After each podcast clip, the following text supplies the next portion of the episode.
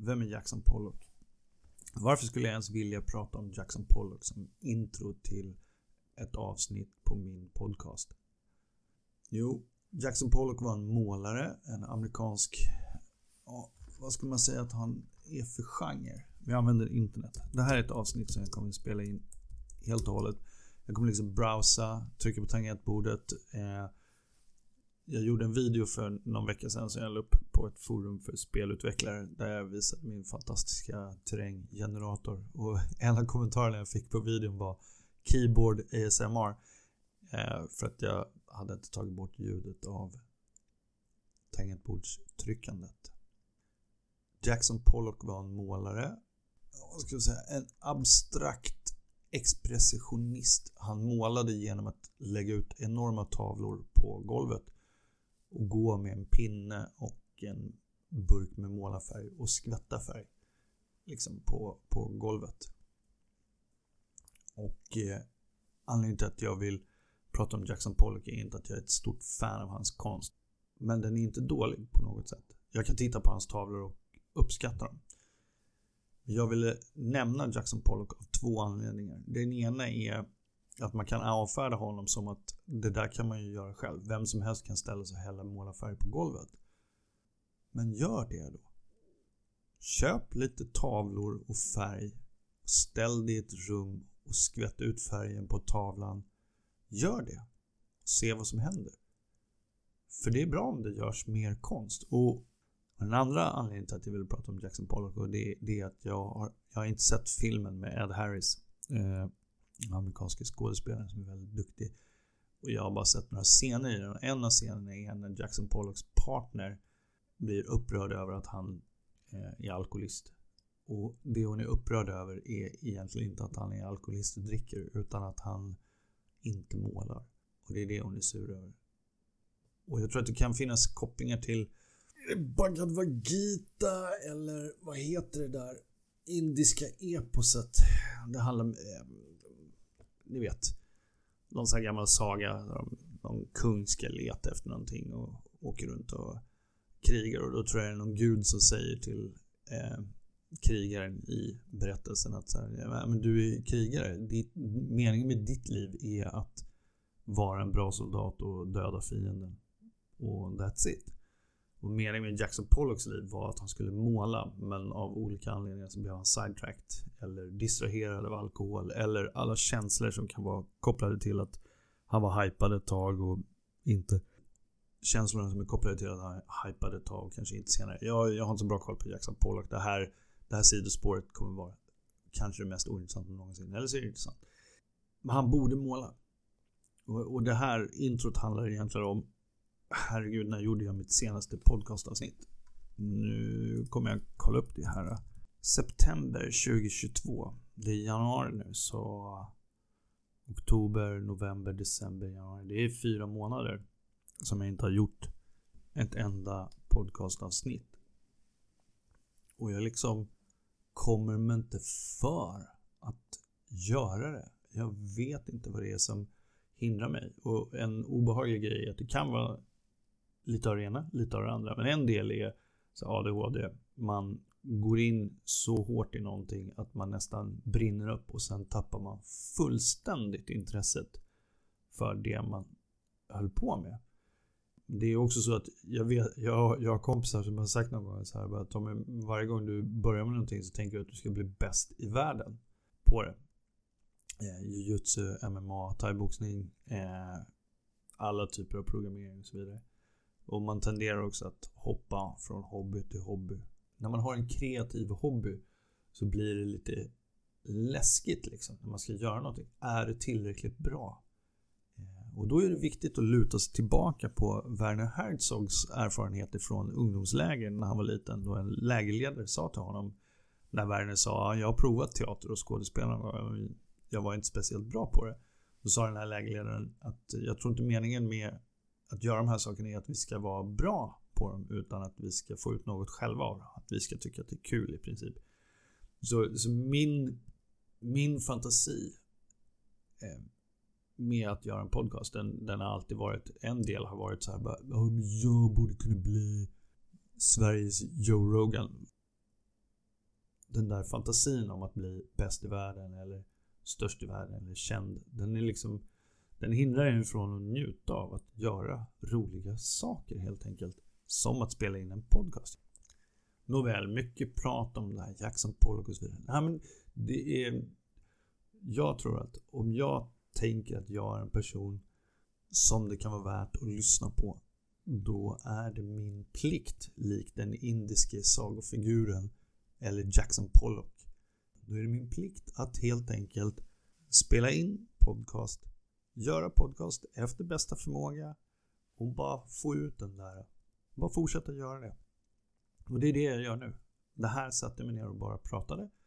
För att det, liksom, jag, jag varje dag tänker jag på så här, ah, vad ska jag prata om idag? Ska jag prata om hur länge sedan Egypten faktiskt var en grej? Alltså de egyptiska kungarikena som var antika när Julius Caesar besökte och erövrade eh, Egypten några, några decennier före Kristi födelse. Eller ska jag prata om James Webb-teleskopet del 2? Eller Fusion del 2. Fusion har blivit hett igen. Efter att jag gjorde mitt podcast, podcastavsnitt så blev folk världen över så inspirerade att de direkt gjorde en massa framsteg inom fusionsforskningen. Kanske inte, kanske inte direkt exakt relaterat till mitt podcastavsnitt. Det är fullt möjligt att de gjorde de här framstegen oberoende av, av mitt podcastavsnitt. Men jag tyckte timingen var bra att jag gjorde ett avsnitt om fusion. Herregud, i februari förra året. Det har gått ett år. Jag börjar bli gammal förstår ni. Då tycker man att tiden går fortare hela tiden. Jag gjorde ett avsnitt eh, om fusion i februari förra året och ett av de företag som har gjort stora framsteg nu och precis gått ut med det och jag gissar att det är så här de, de eh, hade agerat i princip i smyg i 20 år och så plötsligt går de ut med någonting att de har lyckats med något och jag tror det är för att nu vill man ha in kapital till de här olika företagen för att gå vidare till nästa steg och då är det så att eh, när ett företag säger plötsligt att vi fick ut mer energi än vi stoppade in då vill alla andra hoppa på. Alltså man kan inte låta bli att söka kapitalet då för annars blir man ifrånsprungen och kanske missar möjligheten att eh, fortsätta sin forskning. Jag gör ett podcastavsnitt och ett år senare så så pratar hela världen. Det är, jag har hört kanske fem olika reportage på Sveriges Radio om fusion, vad de här framstegen innebär, vilka de har. Då har de pratat med forskare som håller på med fusion på svenska högskolor och universitet och liknande. Och det är en ganska upphetsande tid och, och det som är häftigt med, med den här senaste tidens nyheter är ju att det kan fortfarande vara tio år tills vi har fusion på plats. Men om det händer under vår livstid, då är det bara en till checkbox på hur bananas mänsklighetens utveckling har varit de senaste 200 åren. Det går knappt att förstå hur häftigt det är. Mina föräldrar är födda på 40-talet.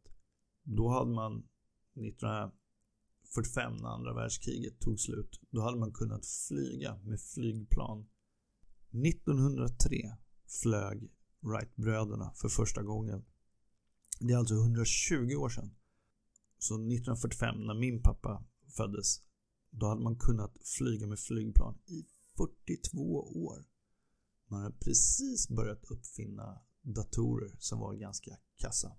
Man uppfann atombomben Yay! Alla tycker det var positivt. Nej, det kanske inte särskilt många tycker var positivt.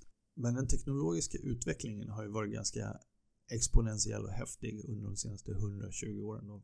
Eh, och vi landade på månen 1969. Men om vi då får fusion under liksom, de kommande 10 åren eller någonting. Att det känns som att det är genomförbart i, i den här spåret av civilisation, då, då kommer vi lösa så många, många, många problem vad gäller energi, eh, global uppvärmning och så vidare. Och då, då, är det som att man fulländar den teknologiska civilisationens utveckling under vår livstid. Det, det är tre generationer av mänskligheten. Och det har funnits ganska många generationer av mänskligheten. Tre generationer tog det och sen så skapade vi den perfekta, eller bemästrade vi den perfekta energikällan.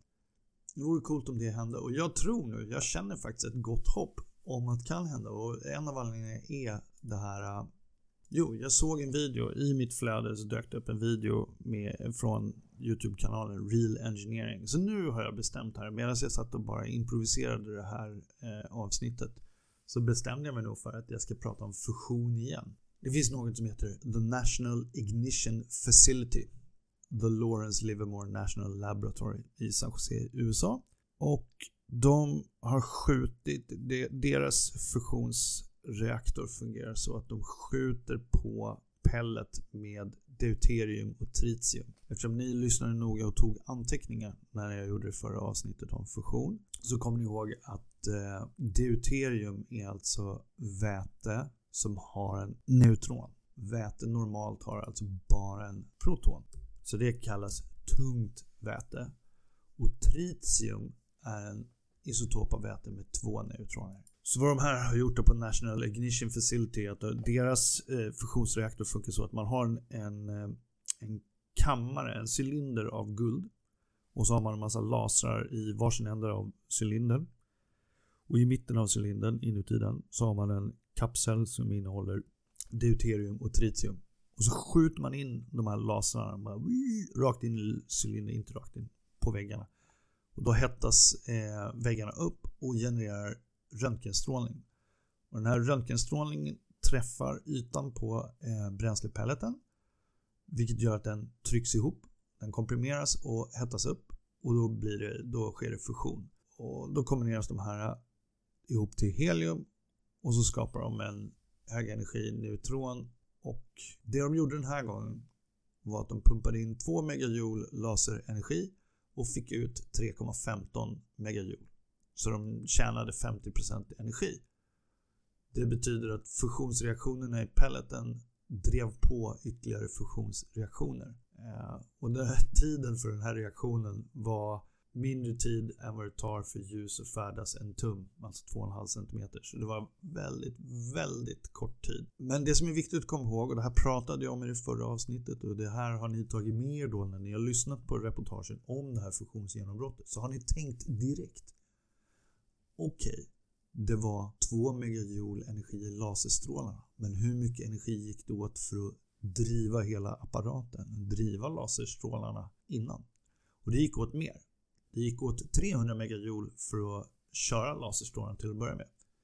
De skjuter de här lasrarna en gång om dagen men eh, ett kraftverk till exempel skulle behöva eh, värma upp eh, bränslepellets 10 gånger per sekund eller liknande. Och målet i den här, det här experimentet kostade tiotusentals dollar. Ehm, alltså för bränslepelleten. Så för om man ska ha ett kraftverk då måste den här kostnaden för bränslepelleten gå ner. Och sen då hur ska man få ut energin ur det här? Vart var, var tar energin vägen? Och det, det kommer du säkert också ihåg från förra avsnittet. Men nästan all kraft i, som vi använder i världen genereras via turbiner. Och turbiner är liksom omvända elmotorer kan man säga. Så det blåser upphettad ånga eller vind. Så vindkraftverk driver turbinen, eh, elturbinen genom att eh, propellern snurrar och då skapas det elektricitet. I ett kärnkraftverk så hettar man upp vatten som blir till ånga som man pumpar genom en turbin. Vattenkraft, vatten som leds genom en turbin.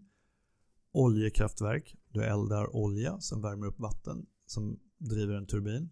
Alltså okej, okay, jag kan ha fel där. Eh, jag kan säga helt fel på någon av de här sakerna. Men i princip den enda energikällan som inte går via en turbin är solkraft. Det är lite coolt tycker jag. Det är, det är en speciell egenskap som solceller har. Så det här resultatet är egentligen bara så här, okej, okay, den rent tekniska aspekten av det hela är att våra laserstrålar de lyckades visa principiellt att det går att skapa en självdrivande fusion i den här bränslepelleten. Alltså att de hettar upp den i förstadiet och sen så skapar den mer energi än vad man tryckte in. Och det, det är positivt för en effekt av det här är att man kommer få tillgång till mer kapital att satsa in i de här verksamheterna för att köra. Liksom. Och samtidigt har man de här experimenten med ITER till exempel som kommer bli klara inom några år. Där menar jag att ITER är Problemet med ITER är att det är en gigantisk konstruktion som kostar hur många miljarder kronor som helst. Det här, det här är kraftverket i södra Frankrike. De måste testa en tokamak i stor skala. Tokamak är formen på det är en donutformad eh, reaktorgrej. Eh, men det är en gammal design som är nästan 40 år gammal vid det här laget. Och det tar 20, har tagit 20 år att bygga den och när den är klar det är problemet med teknologisk utveckling är att man använder gammal teknik i den. Man borde använda superledare, magneter för att få bättre. Men det där är säkert saker man kan byta ut. Så att när man väl har byggt ut den och testar den och ser att okej, okay, i den här skalan så funkar den så här bra men det går åt jättemycket ström till magneterna.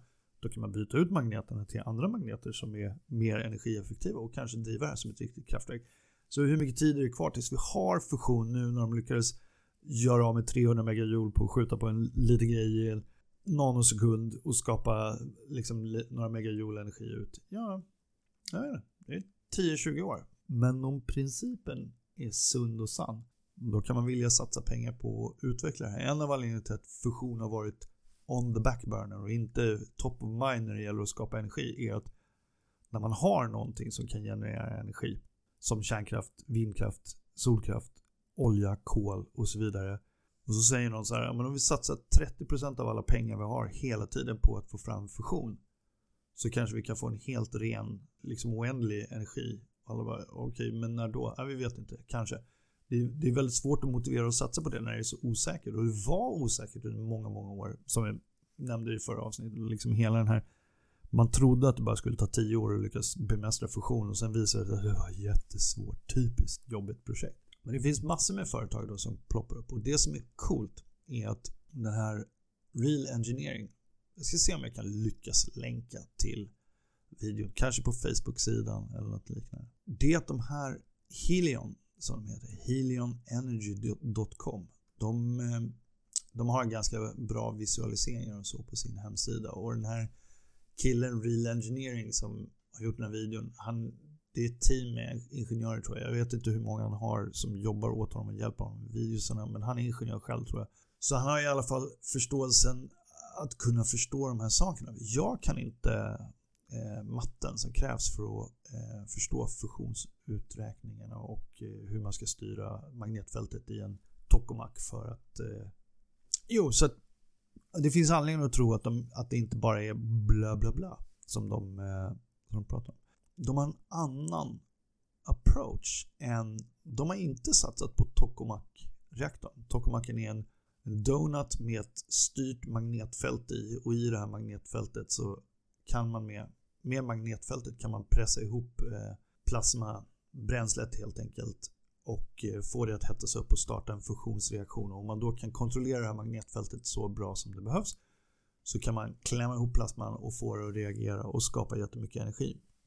Men problemet med tokamak-reaktorn, de här uh, ignition facility och deras det är att de är ganska fokuserade på att få igång en självgående fusionsreaktion där man liksom kan hålla igång den utan att det går åt jättemycket energi. Men man har fortfarande inte riktigt, om jag minns min research rätt, löst nästa steg. Hur får du det där till att generera el i en turbin? Då har de här Helion-rackarna, de har tänkt ut en helt annan vision för hur de ska göra det här. Det är så himla coolt. Så de har en plasmaaccelerator, kallar de det. Och det, är som, det ser ut som en hantel.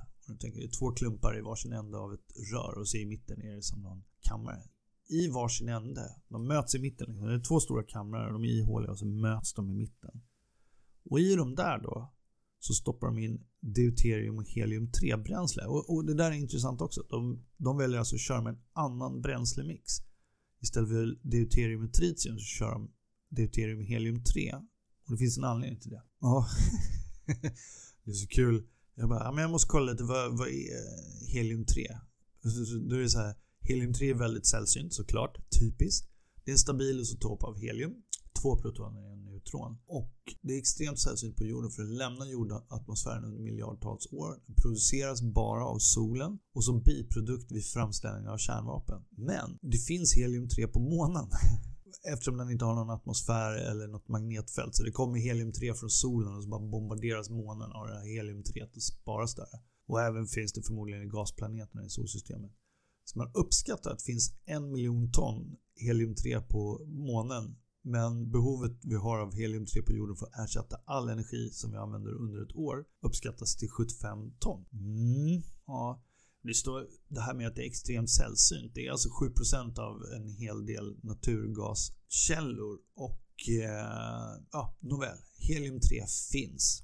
Så det är tillgängligt. Men de tar alltså de här bränslena och så använder de magneter för att accelerera upp gasen, bränslegasen, plasman, från varsin ände av den här acceleratorn som är 40 fot. Det är amerikaner. Jag vet inte vad jag ska säga. Deras information är fot. 40 delat på 3. 42 delat på 6. 6 gånger 7 är 42. Just det, 14 meter. Så det, själva acceleratorn är ungefär 14 meter. 40 fot är ungefär 14 meter. Och så använder de magneter för att pressa gasen in mot mitten. Så det är liksom ganska avancerad timing på det där. Det är liksom, om du tänker att du skulle det är som en bilmotor. Det är timing så här. Varje tändstift måste skjuta i takt och så vidare. Så nu har vi ganska kraftfulla datorer så kan man tajma liksom. Magnetfältet driver gasen framför sig i de här acceleratorn från varsin sida. Jag gör ljudeffekter här så att ni ska förstå hur det funkar. Så trycks de in i mitten och där möts de här två gasklumparna och trycks ihop ännu mer tills de blir 100 miljoner grader varma. Och då blir det fusion. Det som är coolt är inte den där grejen. Eh, utan det coola är hur de genererar sin elektricitet. När plasman expanderar så trycker den tillbaka på magnetfältet. Och på grund av då Faradays lag så betyder förändringen i magnetfältet skapar en elektrisk ström som omedelbart fångas som elektricitet. Ja, deras hemsida har sedan 72 000 olika, en lista över patent. Men det häftiga med de här är alltså att de har redan tänkt ut energisteget. Hur man tar fusionsreaktionen och gör om den till elektricitet. Och den går inte via en ångturbin utan den går via magnetfältet. Och det var verkligen en grej som väckte mitt intresse när jag såg den här videon. Just att de har kommit till det steget direkt så att säga. Hur gör vi om fusionsenergin till elektrisk energi? Och om den här reaktionen är självdrivande och genererar mer energi än man stoppar in och bränslet är tillgängligt. Och jag tror en av fördelarna med helium 3 plus tritium eller deuterium, tritium tror jag det är att det genererar mindre eh, skadlig strålning, strålning än vanlig fusion, alltså helium, eh, tritium, deuterium funktionen. Så man kan ju konstatera att det här med att skapa elektriciteten är det viktiga steget. Och de här rackarna har liksom tagit det steget och har någonting på gång där. Så vem vet? Inom de, de har redan sin reaktor up and running alltså. De har, de har en fungerande reaktor som kan göra det här idag Eh, de, de, har inte en reaktion på någon nanosekund. De måste precis som alla andra skala upp.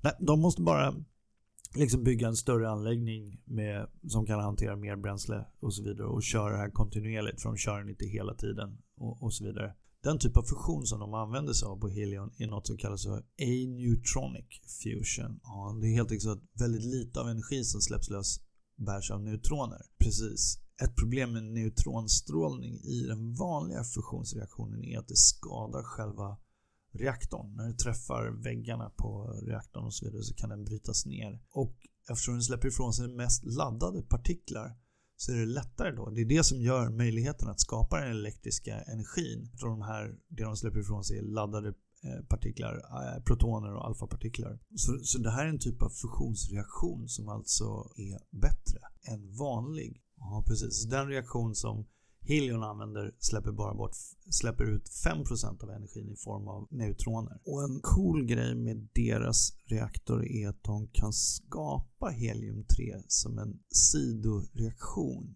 till deuterium helium-3 reaktionen. Så, så de har en patenterad process, äh, eh, de har en patenterad process för att fånga skapad helium i reaktionerna. Så det är alltså deuterium, det bildas ju helium i fusionsprocessen och med viss sannolikhet kan det bli en helium-3. Och det, det, det, här heliumet kan man fånga och återanvända i bränslet och skapa mer. Det är ganska coolt. Enligt Helion är det också så att deras här äh, återkopplings... Alltså poängen med att inte behöva hetta upp vatten är att det, du förlorar energi. I varje steg i en energiprocess eller en energigenereringsprocess så förlor, förlorar man energi. Så om du tar ett vattenkraftverk eller ett vindkraftverk då är det ganska bra för då snurrar man rakt på turbinen. Eh, men när du har ett, eh, kraft, ett kärn kärnkraftverk, då hettar du upp vatten och då förlorar du energi i den här, så går det åt massor med energi för att hetta upp vatten och göra det till ånga och så förlorar du det för att saker blir varma och så vidare. Det är förluster där helt enkelt. Så om du kan generera elektriciteten direkt så slipper du alla de där problemen och, och väldigt fördelaktigt. Så de är nu eh, på sin sjunde prototyp som de kallar det som heter Polaris. Nej, jag gör, den, de är, på sin, de är på sin sjätte prototyp. Ja, och de, eh, de här Helion, de har eh, publicerat eh, eh, forskning som är liksom granskad som visar att de producerar de här biprodukterna som de menar. Så det som är häftigt när man har gjort det här fusionsgenombrottet är att det börjar röra på sig, pengarna strömmar in och vi kommer se bakslag och framsteg löpande under de kommande åren och det kanske tar tio år till innan nästa stora tillräckligt bra framsteg sker. Jag vet att eh, en av dem jag nämnde var de här Spark Reactor eller Arc Reactor eh, som använder supraledare, magneter och så vidare. De ska ju dra igång sin reaktor 2025 så man lär väl få vänta tills dess innan man får veta hur det går. Eh, ja, jag tror det räcker för idag. Eh, det var ett lite splittrat och kanske inte så strukturerat avsnitt men jag hoppas att du har fått ut något av att lyssna på det. Det går bra att stödja podcasten genom att gå in på patreon.com kidvos Tommy the Brain. Åh oh, gud, jag kommer inte ens ihåg vad min Patreon har för adress. Du, det viktigaste stödet du kan ge mig, det är att du lyssnar på podcasten. Tack för att du gav mig din tid. Ha en bra dag.